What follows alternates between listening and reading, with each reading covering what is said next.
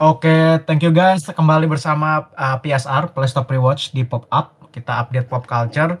Uh, seminggu terakhir, uh, lebih banyak didominasi oleh event game. Uh, kita tahu ada E3, Electronic Entertainment Expo, yang di mana berbagai publisher game, pengembang konsol memamer memamerkan line up game mereka yang akan rilis tahun ini, tahun depan, atau dua tahun lagi, atau mungkin yang nggak muncul sama sekali pada akhirnya. Um, kita ada ada siapa aja sih? Kalian ada yang inget nggak? Oh ini di sini sekarang ada si Trisna, ada Lukman, ada Reza seperti yang biasa menemani. Kalian pada nonton nggak sih kemarin Itri? Nonton nonton. Nonton nonton. Nonton beberapa doang, soalnya gue campur sama Euro. Oh iya benar juga ya. Sulit juga sih memisahkan, memilih Iya. antara. Jadi satu di TV-nya Euro, gue laptopnya i3. Oh, Bingung, pusing dah gue mau ke mana. itu namanya multitasking bro. Iya. Asal jangan sampai salah taruhan aja. Oke, eh, jadi kalau nggak salah pas E3 waktu itu kita ada dari Squaresoft, ada dari Capcom, ada dari Microsoft, ada dari Nintendo, ada dari mana lagi? PC kan juga ada kalau nggak salah. Ada yang ingat nggak? Ada apa aja, Sa? Itu tuh kalau apa summer summer game apa tuh? Oh, Summer Game Fest. Ya Itu itu eh, itu paling pertama kalau nggak salah. Jadi itu di hostnya sa- sama dengan hostnya yang bikin Game Awards. Oh, Jeff Kylie itu ya. Eh, Iya teman baiknya Hideo Kojima. Nah Oke. itu kayaknya sih digadang-gadangkan dia bakal jadi kayak semacam pengganti E3 karena E3 kan makin ke sini makin kayak semenjak jelas ya. pandemi. Semenjak pandemi kan Sony cabut terus Ya, ya. Apa bikin sendiri apa bikin sendiri gitu kan akhirnya jadinya kayak summer apa summer game fest ini tuh kayak pengganti gitu loh di mana kalau apa di mana waktu acara show-nya dia main kita literally bisa mainin demonya langsung dari Steam Oh iya iya iya iya iya. keren juga ya. Ya sih kalau dulu zaman E3 E3 sebelumnya sebelum pandemi kan bisa dateng kan ke lokasinya kemudian nyoba gamenya di sana. Sekarang langkah yang diambil adalah dengan ngasih demo yang bisa di-download. Kayak kemarin yang Square Enix ada Final Fantasy Origin itu yang Stranger of Paradise. Dia ngeluarin demonya. Di hari mereka memperkenalkan. Oke, yang sebenarnya menarik adalah dari semua publisher sama pengembang yang hadir di E3 menurut gua yang bagus cuman Xbox doang kemarin kayak yang lain tuh bapuk. Soalnya cuman Xbox yang kayak gencar gitu. Begitu tahu nggak ada Sony mereka bener-bener full force firing all cylinder gitu. Jadi mereka memperkenalkan Forza 5 terus kemudian juga ada Redfall kemudian ada Stalker lalu juga ada Flight Simulator dan masih banyak lagi termasuk eh, ada Euden. Kalau kalian yang pernah main pengembang- pengembangnya kan bikin spiritual sequelnya kan dan ternyata didanai oleh Xbox. Gua nggak tahu. Wih. eksklusif Iya, iya. atau enggak. Seperti itu. Nah kalau menurut kalian sendiri apa yang bagus nih dari E3 kemarin? Highlightnya apa? Kita mulai dari Trisna dulu deh. Atau itunya? bebas bebas. Apa yang menurut lo highlight dari E3 kemarin? Ada ada yang kalau Trisna belum kepikiran coba Reza deh. Reza kayaknya udah yang paling mantau Iya, eh kalau gue pribadi ya, Mhm. itu ini sih Forza sih Forza. Forza ya kenapa Forza lo main Forza Horizon Iya, Horizon 4 gue main. Forza itu gue main dari yang pertama, kedua, terus tiga tuh skip, terus empat main lagi. oh lo punya Xbox dong berarti Ah, minjem minjem temen. oh, oke, oke, Jadi oke. gue beli kasetnya, dia dia punya konsolnya. mantap, mantap. Itu yang namanya sih. Gua gua jujur uh, Forza pertama yang gua main itu Forza Horizon 4. Kena, kenapa lu tertarik sama Forza Horizon 5? Kayaknya sama aja tapi grafisnya malah lebih cantik sih ya. Ya, ya grafiknya itu sih Forza itu kan pokoknya dia sedi- untuk untuk sebuah game racing dia itu antara simulasi sama arcade gitu kan. Arcade enggak, simulasi juga enggak gitu. Yang paling the best open world-nya sih. Kayak bener-bener free gitu kita. Mau ngapain Iya. aja terserah. Tapi nggak bisa nabrak orang kayak GTA ya. Iya, nggak bisa nabrak orang. Nggak ada malah, kayaknya nggak ada ya. Horizon Ada, tuh nggak ada Forza orang. Horizon 4 gak ada itu. Gue pernah main juga soalnya.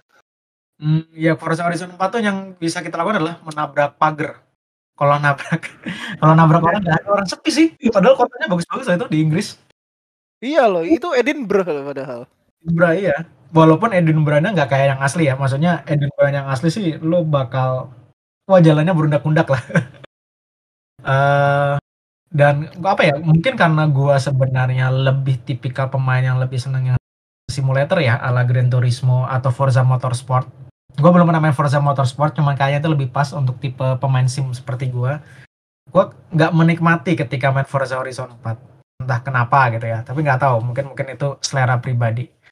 Nah kalau selain For, eh, Forza apa lagi nih yang menarik kalau Bang. Ini apa buat buat buat player-player masokis nih.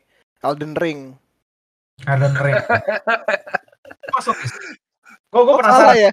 Bukan ya. Ini pasti gara-gara pemain-pemain yang susah move on dari Dark Souls, Bloodborne yang ng- ngalahin bosnya kayak susah amat. Buset dah. Enggak, gua kan main game buat relax ya. Ini kok enggak gitu. Itu yang gue pernah, itu yang gua nggak pernah masuk di otak.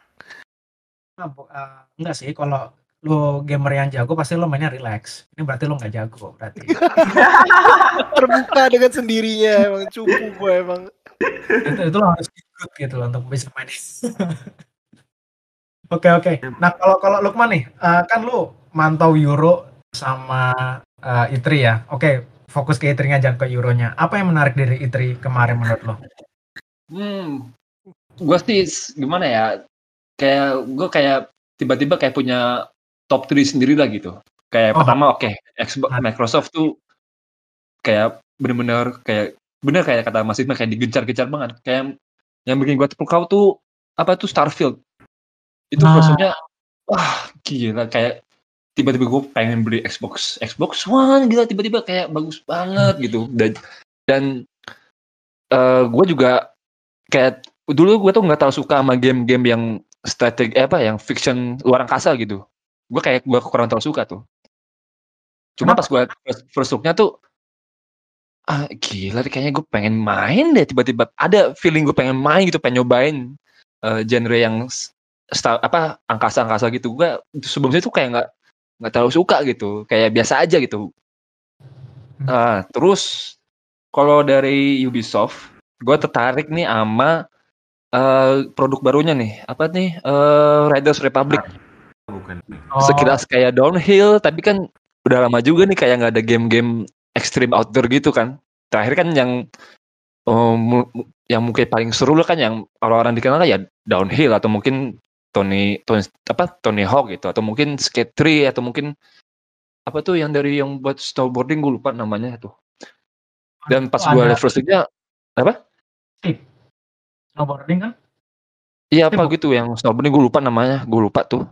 Cuman pas gue lihat dari yang Riders Republic tuh walaupun ya nggak seheboh se, se, sebrutal downhill lah cuman ya, untuk dari kapasitas multiplayer-nya kayak bisa banyak banget gitu bayangin misalkan ya 50 orang gua Mhm. balapan gitu terus eh benar-benar have fun-nya tuh dapat gitu untuk game multiplayer yang seperti itu ya Ya. terus kalau Nintendo ya karena gue memang demen dengan universe-nya Shin Megami Tensei makanya gue Nintendo tuh gue eh, hampir full full full stream gitu. Gue pengen lihat nih first look-nya kayak gimana. Dan so far sesuai dengan ekspektasi gue gitu turn based game-nya dapet lore-nya ada lagi baru. Terus mungkin yang yang gue masih yang gak biasanya itu loh nuansanya SMT itu karena kan gue memang pertama kali mainnya universe M- SMT kan ya dari Persona 3 pas gue mau lihat dari lihat-lihat SMT masih agak susah. Cuman yang SM, SMT 5 kayaknya hmm kayak sesuai dengan kayaknya gue pengen kalau misalnya gue beli Switch game pertama kali gue beli bakal adalah SMT 5 gitu. Gue masih penasaran dengan SMT 5 itu. Tuh karakternya cewek atau cowok sih? Cewek.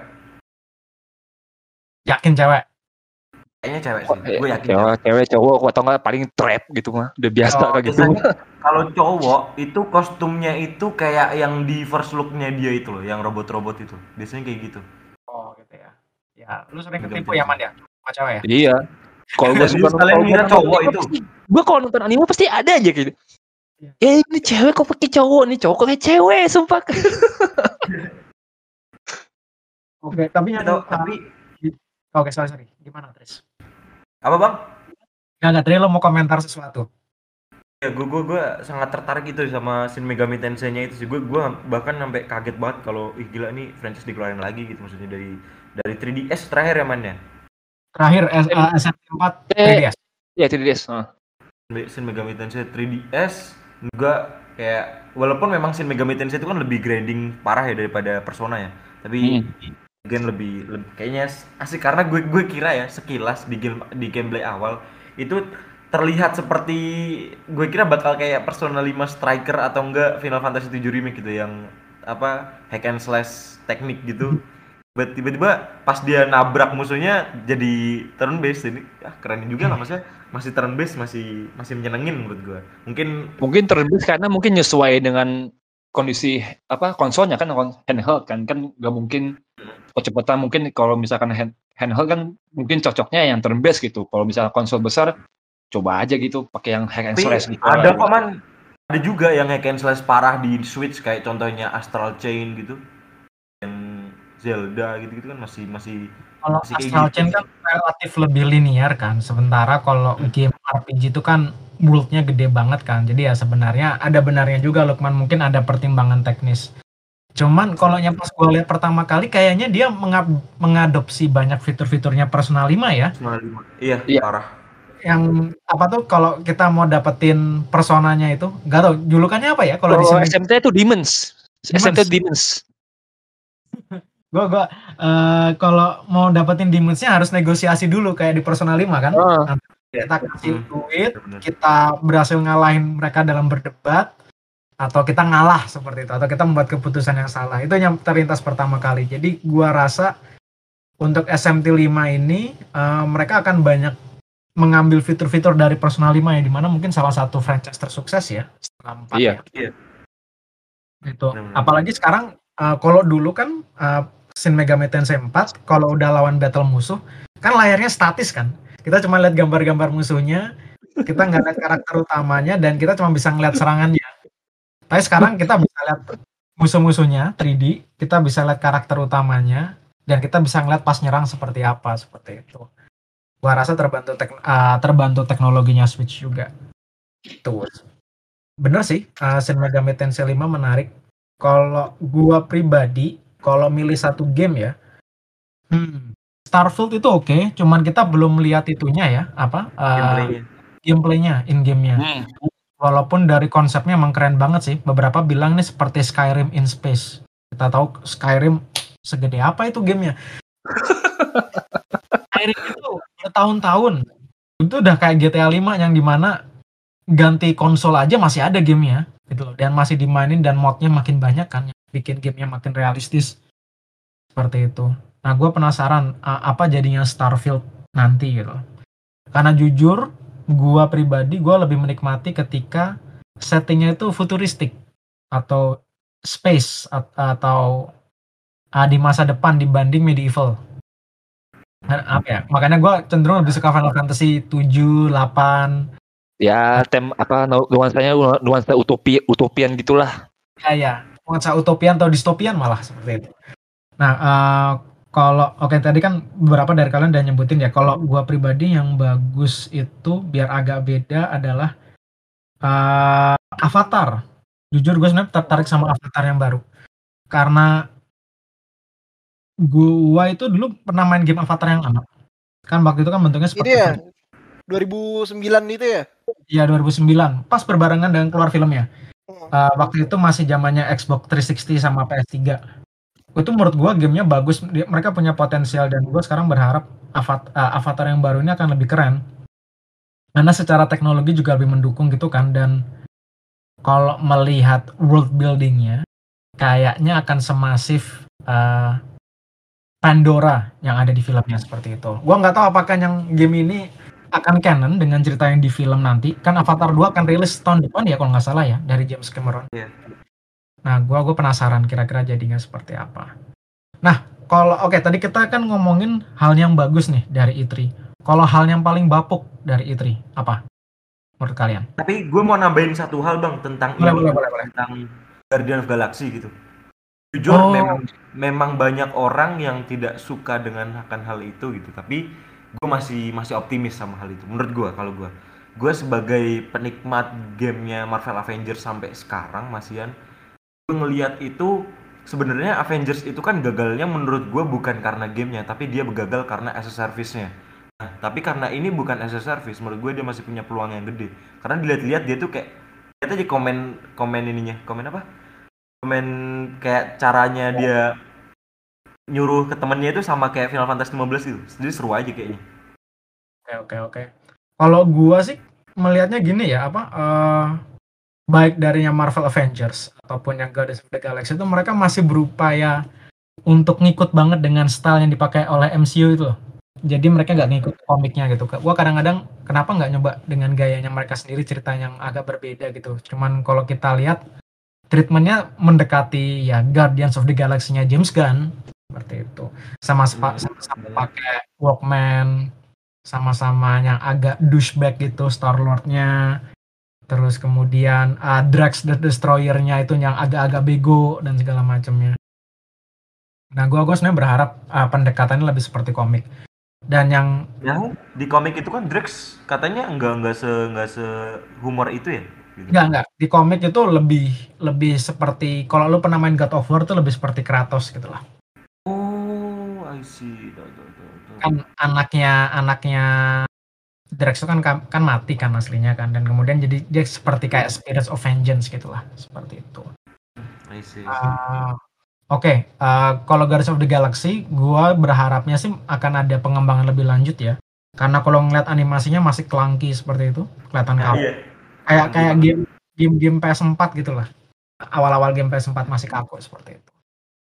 Tapi oke okay lah, itu gua gua penasaran jadinya seperti apa. Nah, sekarang kita bicara apa yang terburuk dari itu dulu deh. Mungkin start dari gua gua dulu ya. Menurut gua yang terburuk itu pertama eventnya Capcom. Singkat banget, nyaris nggak ada announcement yang apa ya signifikan. Kebanyakan soal DLC, soal game-game yang udah rilis itu Lalu kedua mungkin Square Enix karena tidak ada Final Fantasy, nggak ada update soal Final Fantasy 16, nggak ada update soal Final Fantasy 7 Remake Part 2. Lalu porsinya terlalu banyak diambil oleh Guardians of the Galaxy. Kayaknya hampir separuhnya untuk Guardians of the Galaxy aja. Dan puncaknya adalah ketika mereka ngeluarin trailernya yang Final Fantasy Origin yang Stranger of Paradise itu, yang di mana setiap adegan tuh selalu disebutkan kata chaos dikit-dikit chaos, dikit-dikit chaos, dikit-dikit chaos seperti itu yang di mana akhirnya jadi meme. Ada yang bilang ini apa tuh jagoannya karena pakai chaos, makanya ya dia nyebut nyebutnya chaos, maksudnya dia pakai kaos dalam. ya kan kan jagoannya kan pakai chaos kan gitu, makanya dia apa tuh I'm looking for chaos gitu. This is uh, uh, the shrine of chaos itu sebenarnya dia mencari chaos. nah, uh, oke. Okay. Ini sorry, sorry gimana gimana, Sa? Gak salah tempat harusnya kita nabang dia atau enggak mestinya ke Uniqlo? Biar cepat gitu lah. Saya ke Tanah Abang gitu. Tanah Abang emang chaos sih. Uh, tempatnya rame gitu. Dan ada chaosnya juga. Chaos dalam atau chaos t-shirt dan segala macam. Boleh gue boleh ya Yus gue ya. Oke oke. Kalau menurut kalian sendiri apa yang buruk dari E3 kemarin? Ini apa kalau dari gue sendiri ya Hmm. Itu loh, uh, Gearbox itu loh. Gearbox tuh punya punya showcase, punya acara sendiri gak sih? Gak ada deh kayaknya. Gearbox tuh muncul di awal-awal kan? Iya, kalau nggak salah dia tuh cuma kayak nunjukin nih ada beberapa siluet gambar filmnya Borderlands, tapi udah itu doang, udah nggak nggak ada apa-apa gitu. Udah gitu doang? Udah gitu doang, cuma show gitu aja sama si kreatornya apa sama CEO-nya Gearbox ngobrol sama Kevin Hart, udah gitu doang. Hmm. Oke, okay, gua gua lewat yang Gearbox, gua nggak tahu kalau ada eventnya Gearbox. Oke, okay, oke. Okay. Kalau kalau itu apa lagi yang jelek, Zak? Apalagi ya? Kalau dari gue sih Gearbox doang sih. Dia itu gue ngelihat awalnya gambarnya di Twitter ya kan, kayak siluet ngeliatin claptrap, terus tapi cuma sekedar siluet, jadi kita tuh nggak nggak ngelihat juga kan Kate Blanchett jadi siapa kalau nggak salah. Tiny Tina apa ya lupa gue. Oh Tiny Tina. Lupa gue pokoknya. Pokoknya Kevin Hart kan jadi Claptrap ya kan? eh, Kevin Hart tuh jadi bukan bukan. Uh, Claptrap itu si Jack Black ya kan? Itu tuh cuma sekedar siluet. Jadi jadi ngelihat orangnya kayak gimana pun bentuknya nggak nggak diliatin. Jadi Ya Zong. Ya, ya. Oke, oke. Oke, kalau eh, Lukman apa Lukman? Lo yang jelek dari E3 kemarin? Lo kan punya tiga best-nya kan, pasti ada tiga worst-nya. Oh enggak, Warzone cuma satu doang. cuma kurang lebih sama sih kayak pasti cuma kayak ngomongin Capcom kayak bentar banget. Pada gua tuh udah nungguin ya kayak itu Final Fantasy 16 gitu. Gua udah pada udah nungguin banget gitu. Apa kayak mau entah itu demo atau mungkin rilis date trailer apa aja gitu. Sama mungkin eh apa trailernya Halo gitu. Yang orang-orang kan nungguin banget tuh. Trailernya cuman ya trailer doang gitu. Gua kira bakal ada apa gitu.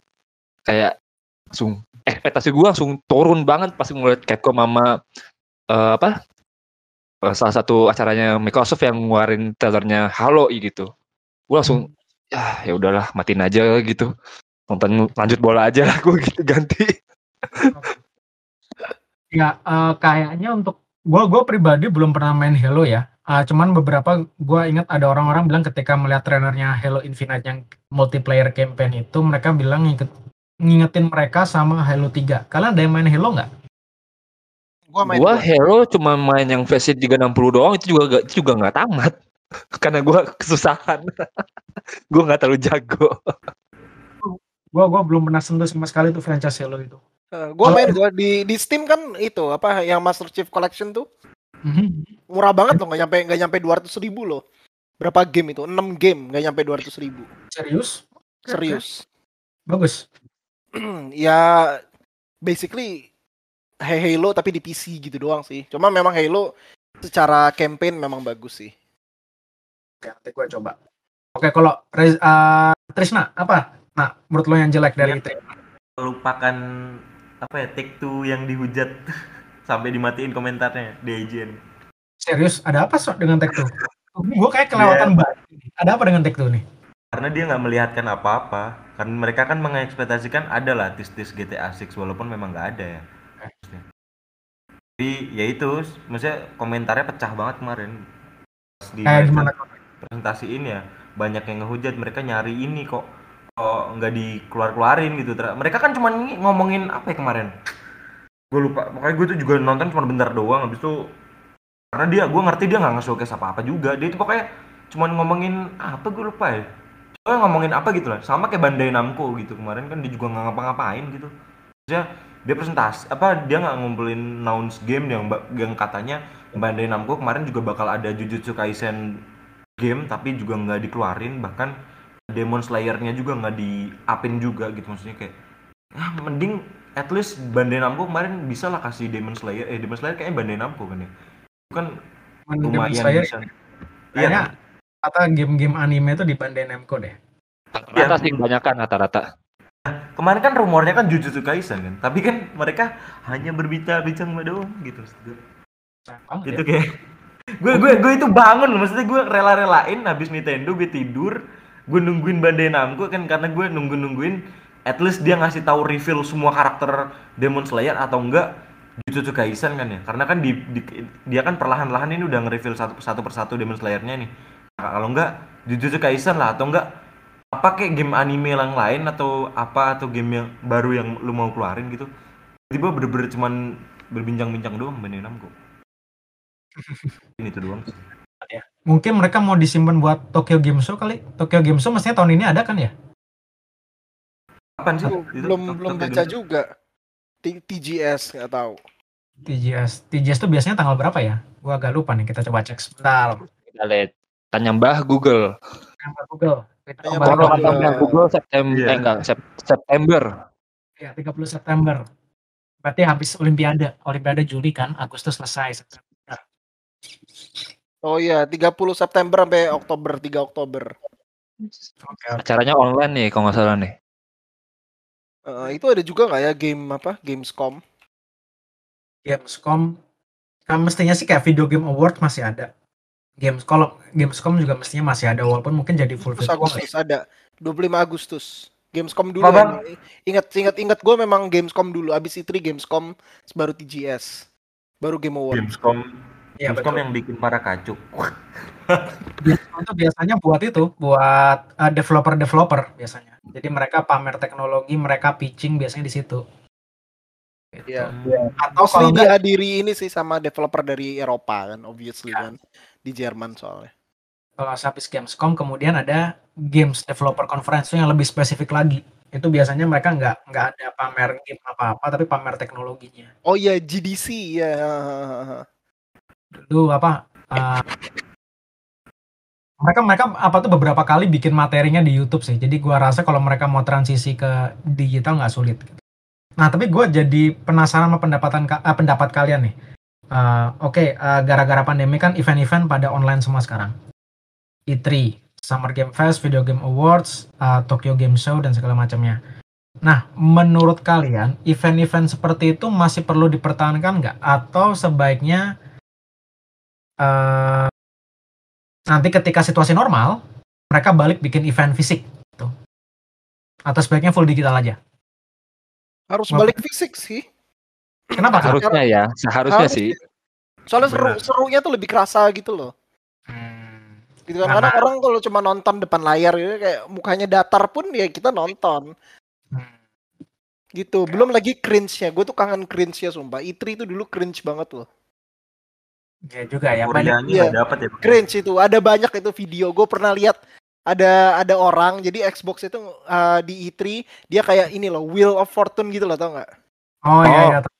Ya gitu kan. Terus kayak eh, oke kamu kamu boleh kamu boleh apa muter Wheel of Fortune. Oke dia muter gitu kan. Terus tiba-tiba dia dapat controller Xbox. Terus sama Mbak Mbak ditanya, "Kamu punya Xbox?" Enggak, aku enggak punya.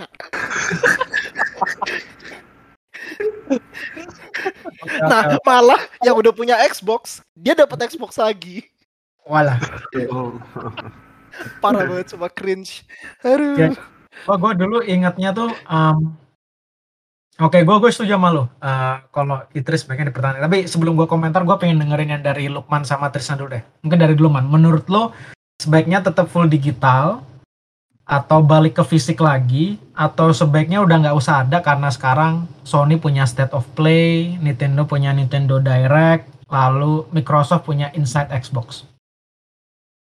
Gua sih lebih prefer eh, fisik ya kalau acara exhibition kayak gitu. Karena apa ya gue mungkin atmosfer fansnya itu loh. Lu kapan lagi fans track trackin cuma masalah game doang. Karakter muncul pada wah pada teriak semua ada DLC baru wah pada teriak semua. Ada barang baru pada beli semua. Kapan lagi kayak ada gitu fisikal kayak gitu. Kalau misalkan kayak E E3 TGS online kayaknya kurang greget dah mungkin kalau di mungkin ya formatnya diganti kayak Summer of Games-nya itu kayak eh, misalkan dalam mungkin tiga hari ada live streamingnya ngomongin tentang apa rilis tentang apa mending kayak gitu kurang lebih. Cuma kalau misalnya exhibition gitu mendingan ya offline lu mesti datang semua orang datang ke suatu tempat terus pada ya euforianya dapet lah gitu. Hmm. gue sih mikirnya gitu. Gue selalu kan kalau untuk bilang nih online oh bilang ini apa untuk lanjutin online sih yang enggak gitu. Gue kurang setuju gitu. Trisna gimana, Tris?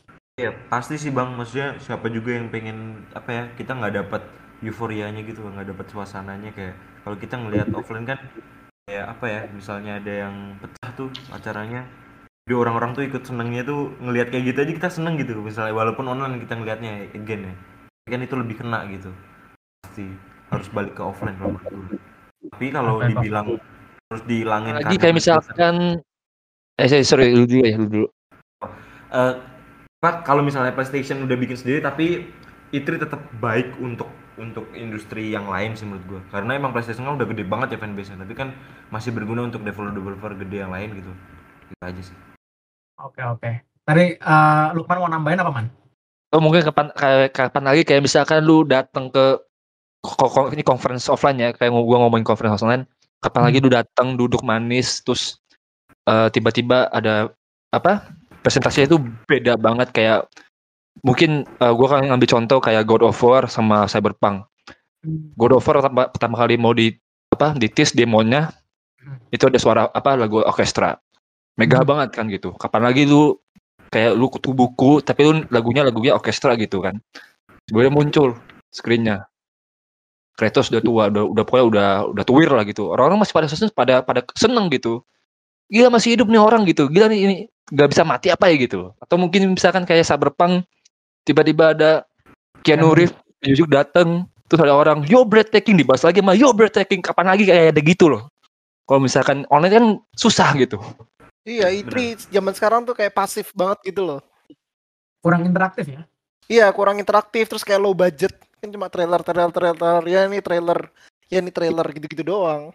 ya, Mungkin, Pak. mung- mung- mungkin itu juga yang bikin developer-developer juga apa ya kurang semangat mungkin ya karena emang ini kan dibilang Bisa masih jadi. bisa, bisa dibilang ngeflop ya itrinya kali ini.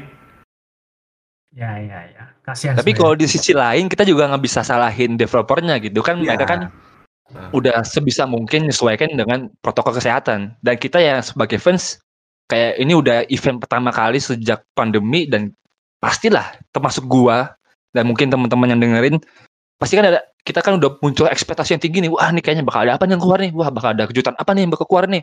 Atau mungkin wah bakal ada produk apa lagi yang baru nih gitu. Pasti kan pasti ada gitu. Apa setahun setelah pandemi tiba-tiba ada event kayak gitu wah pecah udah. Ekspektasi pada tinggi pas di delivernya kurang ya ada akibatnya begitu. Eh apa ejekan-ejekan lainnya atau apa ya. Dan menurut gue sih ya ya normal gitu. Walaupun bisa mungkin dibilang flop cuman bagi gue sendiri E3 dengan online gini masih bisa tetap well delivered gitu. Walaupun dengan kondisi yang seperti ini Bang, Bang, tapi gue Kalau ada satu pertanyaan Apa? yang yang oke kayaknya apa? apa ya? Yang gak tau gue gue kepikiran aja. Kan kita ngerti ya apa Xbox punya Bethesda yang lu ngerti lah fanbase nya Bethesda gede dan PlayStation punya studio-studionya sendiri. Eh, menurut lu atau menurut kalian nih eh, Starfield kalau dibandingin sama alpanya game alpanya PlayStation itu masih menarik mana menurut kalian. Oke oke, tapi sebelum sebelum gua jawab itu gua coba coba komentari tadi yang soal ITRI dulu deh dari uh, Lukman sama dari uh, Reza tadi. Gua setuju sebenarnya balik ke offline untuk ITRI karena ya tadi masalah euforianya itu loh yang hilang. Kita tentu masih ingat momen ketika Final Fantasy 7 pertama kali diumumin, God of War pertama kali diumumin, kemudian Kea- Keanu Reeves muncul dan benar juga kata Reza, ada banyak momen-momen lucu di E3 yang legend yang dikenal sampai sekarang. Kayak misalnya dulu di uh, PlayStation ada Kevin Butler kemudian dulu ada juga uh, mungkin mungkin nggak tahu. Kalian pernah ngikutin pernah nonton atau enggak jadi di E3 tahun 94 atau 95 Ih, Ketika- Tua banget. waduh Ya. gue belum lahir saya belum lahir. Gua baru setahun itu. Juga, baru-baru belum belum lama ini kok Uh, ketika Sony pertama kalinya memperkenalkan PlayStation PlayStation generasi pertama oh iya tahu tahu tahu tahu. itu itu kan mereka bener-bener sederhana kayak kayak lo presentasi tugas kuliah gitu doang. Pre- apa acara presentasinya Sony itu. Ini PlayStation seperti ini ini game-game yang kita punya studio first party yang kita punya. Waktu itu cuma beberapa mereka lebih banyak kerjasama dengan third party.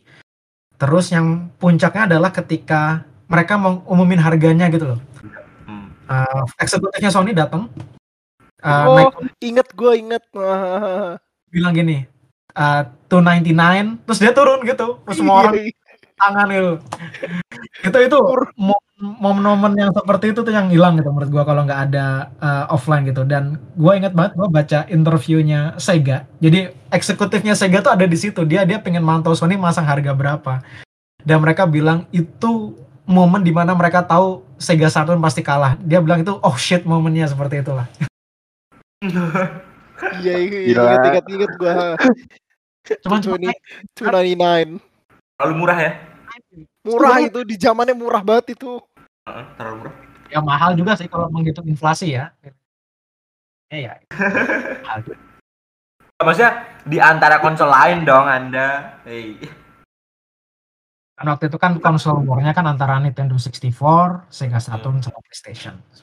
Itu kan dulu juga kasusnya dia abis dihianati sama Nintendo kan Betul Iya, betul. betul. betul lah. Nah tapi oke tadi kan kita bicara banyak nih soal uh, momen-momennya E3 tadi. Uh, kalau kalian kan pasti udah ngikutin E3 lebih dari yang hari ini ya, ah, yang kemarin ya. Maksudnya udah beberapa tahun ngikutin. Ada nggak momen E3 yang paling kalian kenang? Mungkin dari Reza dulu. Bentar, ini gua harus lihat recapnya video game Dangki nih. Oke oke lupa dulu deh. Mungkin ada momen yang lo kena nggak menurut lo the best momennya E3 of all time. Gitu. sampai sekarang sih ya God of War sampai ya, kan? sekarang gitu.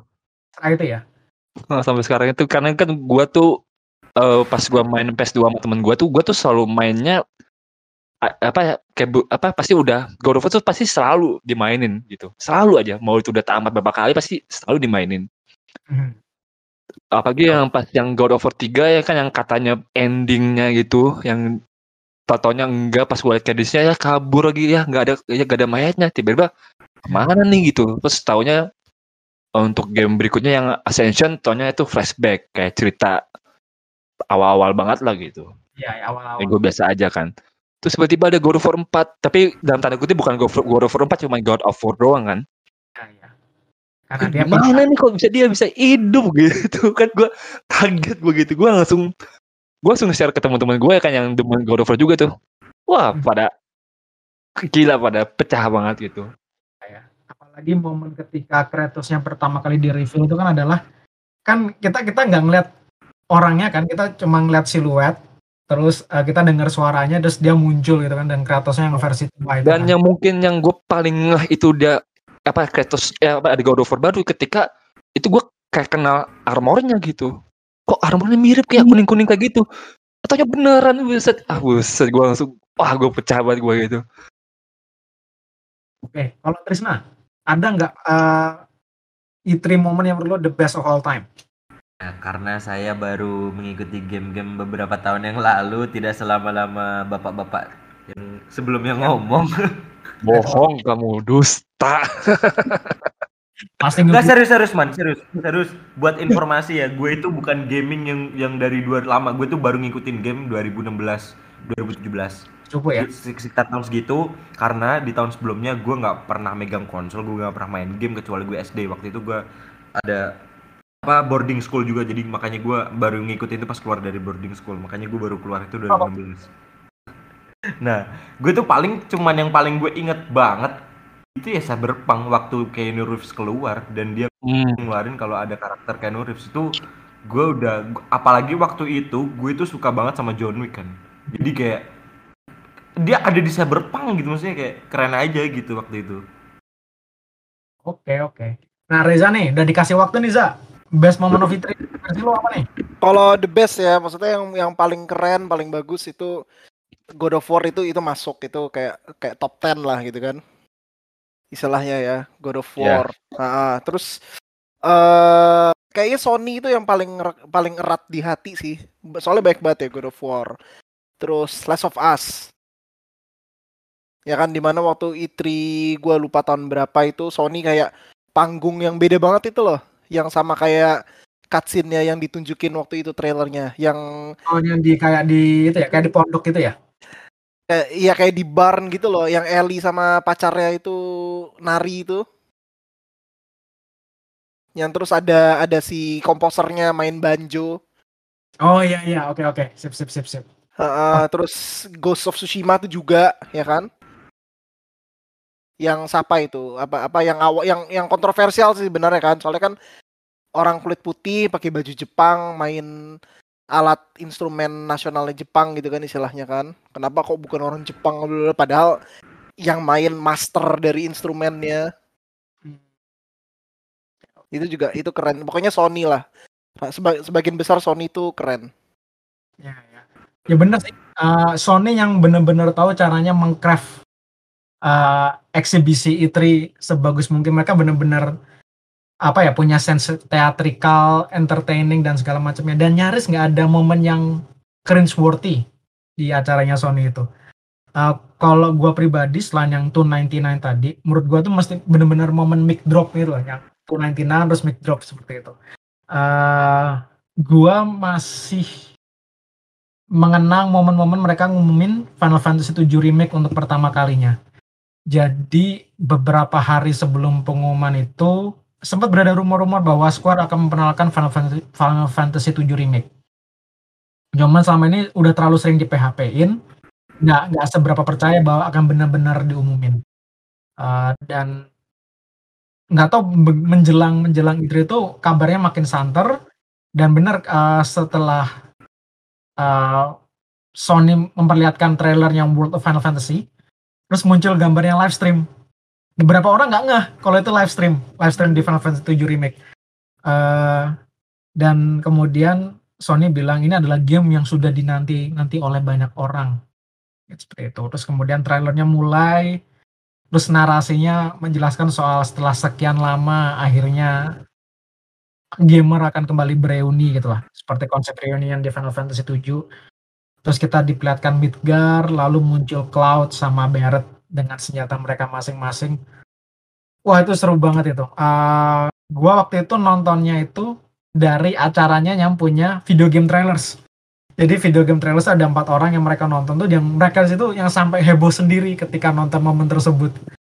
Dan gue sendiri heboh yang sampai gue naik ke kursi itu saking saking uh, saking excitednya bahwa oh ternyata akan terrealisasi uh, game Final Fantasy 7 remake ini. Menurut gue tuh selalu, apa tuh masih the best momennya lah. Oke okay, oke. Okay. Nah um, ini sebelum kita tutup karena kita udah banyak bicara soal E3 Nah, kalau kan ini berarti masih ada event Gamescom, lalu masih ada event TGS. Nah, uh, pengumuman apa yang kalian harapkan yang nggak ada di E3 dan bakal ada di Gamescom atau TGS? Mungkin mungkin dari Reza dulu, mungkin. Apa ya? Ya berharap itu sih Elder Scrolls 6 kalau bisa ya. Elder Scrolls 6 uh, ya. Eh, tapi kayaknya nggak juga ya karena kan Starfield dulu baru Elder Scrolls 6 atau mungkin GTA 6 Oke oke oke. GTA 6 kayaknya udah saatnya udah tiga generasi tuh GTA, PS3, PS4, PS5. Iya, nanti kan PS5 katanya lebih bagus lagi gambarnya. Betul betul. jangan jangan pakai aja terus. Jangan pakai ray tracing ya, pakai ray tracing habis ini. Aduh. Takutnya nanti GTA itu full GTA online jadinya, gak ada GTA yang itu. Uh, Waduh, ada itu, itu, begitu. Itu gak mau banget gue sumpah. Itu. Soalnya format format multiplayer Rockstar tuh nggak nggak asik gitu loh. Lagi enak-enak jalan-jalan tiba-tiba dibunuh sama orang. Kan kesel ya. Apa ya? Anarkis banget itu. iya, semua loh. GTA Online, Red Dead Online sama dua-duanya. Ya, ya. Dan basically nggak nggak ada apa ya, nggak ada narasi besarnya gitu lah. Jadi basically ya cuman open world gitu di mana orang bisa menjadi penjahat. Tuh. Oke, kalau kalau Trisna apa nih Tris? Buat penutup. Gamecom itu akhirnya ini apa sama ya developer yang hadir sama kayak E3 ya? Uh, Gamescom hampir sama, tapi lebih hampir banyak sama. developer. Jadi lebih uh, acara. Lebih banyak Ero apa dari Eropa juga sih, US sama Europe sih. Karena kan kalau developer Asia, Jepang terutama mereka punya TGS. Mungkin Square Enix ngeliatin ininya ya bang ya, apa demonya Final Fantasy 16 kalau enggak ya trailer FF7 remake part 2 lah itu. Oke okay, oke. Okay. Pecah juga sih itu. Sip sip. Oke, okay, kalau Lukman? Gue kurang lebih sama kayak si Trisna kayak apa ngeluarin Final Fantasy 16. Hmm. Cuma mungkin antara TGS atau Gamescom gue pengen setidaknya ada judul terbarunya dari God of War dah yang keempat yang karena yang karena kan sering banget kan Ragnarok tuh tapi kan sampai sekarang hmm. belum belum terkonfirmasi lah gitu Prosuknya oh, aja deh. Udah fix itu kalau nggak salah. Emang belum? Emang udah fix? Sudah kan udah, udah ada udah ada logonya oh, udah fix itu. Udah fix Ragnarok. Kan. Terakhir gue masih ya rumor-rumor rumor-rumor doang gitu. Paling ya gue sih pengen harapannya ya ah pakai entah itu first trailer atau mungkin teaser trailer iya. gitu. Benar-benar. Dah bener. situ aja gue karena kan ya gila sih game mungkin menurut gue yang apa remarkable lah nggak mungkin kayak di, di apa dicepet-cepetin tuh nggak mungkin sih gitu Oke oke oke. Kalau terakhir dari gua, gua berharap uh, kemungkinan kalau Final Fantasy 7 Remake Part 2, Final Fantasy 16, gua rasa akan munculnya di TGS.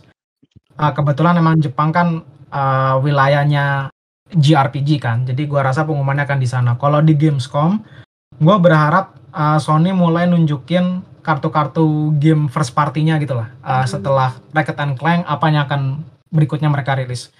Kan prediksinya kan bakal ada God of War Ragnarok kan Nah, lalu kemudian kita udah kita udah lihat Horizon Forbidden West. Kita udah ngelihat uh, Gran Turismo 7 dan God, God of War Ragnarok nih yang belum kelihatan. Nah, harapan gua ada game dari Naughty Dog juga. Karena Naughty Dog kabarnya lagi ngembangin IP baru. Itu yang gua harap dari Gamescom atau kalau Sony punya event sendiri, itu yang akan diperkenalkan Sony. Oke okay, guys, thank you uh, buat diskusinya malam ini. Meskipun kita cuma fokus bicara soal ITRI ya, tapi banyak banget yang bisa dibahas karena well ITRI udah berjalan bertahun-tahun, belasan tahun dan banyak momen bagus. Cuman sayangnya ITRI yang kemarin agak underwhelming dalam sebagian besar wujudnya. Hopefully Gamescom sama TGS nanti bisa lebih bagus. Oke, okay, thank you guys sudah kumpul malam ini. Ini akan segera rilis. Nanti kalau udah rilis pasti kita kasih tahu di Instagram Playstop Rewatch. Jangan lupa follow kita di Instagram, di YouTube atau baca analisis dan review-review kita di Kumparan.